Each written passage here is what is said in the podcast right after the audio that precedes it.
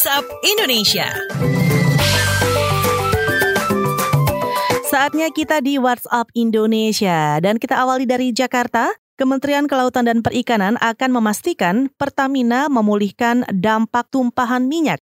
Selengkapnya kita dengarkan laporan reporter KBR Siti Sadida. Silakan Siti. Selamat pagi, Menteri Kelautan dan Perikanan Susi Pujiastuti menyatakan bakal terus memastikan Pertamina memulihkan seluruh dampak lingkungan dan kerugian lain yang muncul akibat tumpahan minyak di Anjungan Yeye Karawang, Jawa Barat. Susi kemarin mengatakan antisipasi kerusakan lingkungan harus dilakukan terutama demi kelestarian laut beserta seisinya di masa mendatang. Ia juga menjelaskan untuk memulihkan kondisi lingkungan yang terdampak tumpahan minyak di Karawang diperlukan program yang berjalan minimal sampai enam bulan ke depan. Untuk itu, Pertamina diingatkan bertanggung jawab secara serius dan terus berkoordinasi dengan kementerian terkait, termasuk Kementerian Kelautan dan Perikanan. Demikian saya, Siti Sadida Hafsyah melaporkan. Kita beralih ke Mataram. Di sana, pelaku industri di Lombok mendapat pembinaan intensif untuk menopang pariwisata. Seperti apa?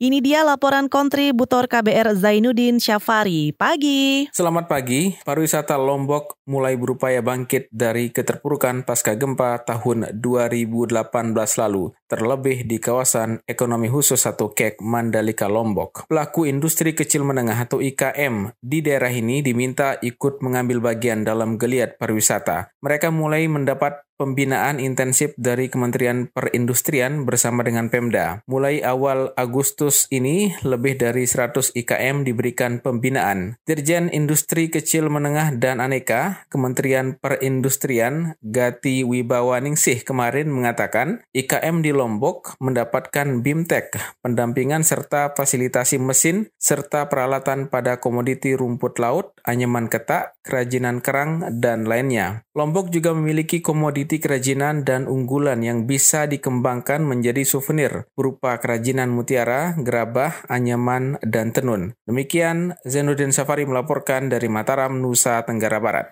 Dari Mataram, kita mampir ke Banjarnegara untuk mengetahui seperti apa sih agenda Dieng Culture Festival 2019 yang dibuka mulai hari ini. Ini dia laporan kontributor KBR Muhammad Ridlo. Silakan Ridlo. Selamat pagi. Rangkaian gelaran Dieng Cultural Festival 2019 dibuka mulai hari ini dan berlangsung selama tiga hari hingga Minggu 4 Agustus 2019. Ketua kelompok Sadar Wisata Pandawa Desa Dieng Kulon, Kecamatan Batur, Banjarnegara, Ali Fauzi mengatakan DCF 2019 dibuka dengan aksi Dieng Bersih, yakni kerja bakti massal yang diikuti oleh masyarakat Dieng, relawan, dan lintas dinas dan organisasi kemasyarakatan. Kata dia, acara kemudian dilanjutkan dengan gelar seni tradisional. Selama tiga hari, sebanyak 27 kesenian tradisional terlibat dalam tiga hari helatan DCF 2019. Pada hari pertama, ada napak tilas budaya di jalur-jalur candi kuno yang hingga kini baru terdata namun belum dieskavasi. Selain itu, ada kongko budaya dan malamnya adalah agenda khas DCF Jazz di atas awan. Sementara di hari kedua besok akan ada Festival Kopi Jawa. Dalam festival ini, kopi-kopi unggul unggulan dari Jawa Barat, Jawa Tengah hingga Jawa Timur dipamerkan dan dimerahkan dengan kontes barista. Puncaknya pada minggu akan digelar kirap budaya dan kirap rambut anak gembel dilanjutkan dengan ritual rambut gembel di Kompleks Candi Arjuna. Demikian laporan Muhammad Ridho dari Banjarnegara untuk KBR.